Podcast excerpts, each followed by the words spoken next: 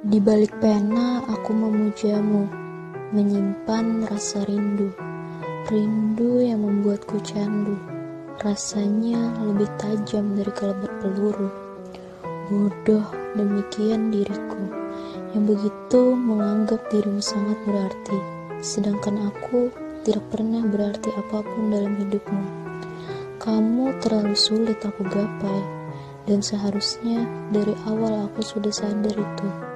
Kamu ibaratkan salah satu bintang di langit, sementara aku hanya salah satu dari pasir pantai yang kapan saja bisa melebur bersama air. Aku ingin melepaskanmu, tapi bagaimana bisa? Bahkan aku sama sekali belum memilikimu. Namun, jika dengan mencintaimu itu hanya akan membuat aku sakit, apakah salah jika aku berusaha untuk menghilangkan rasa itu?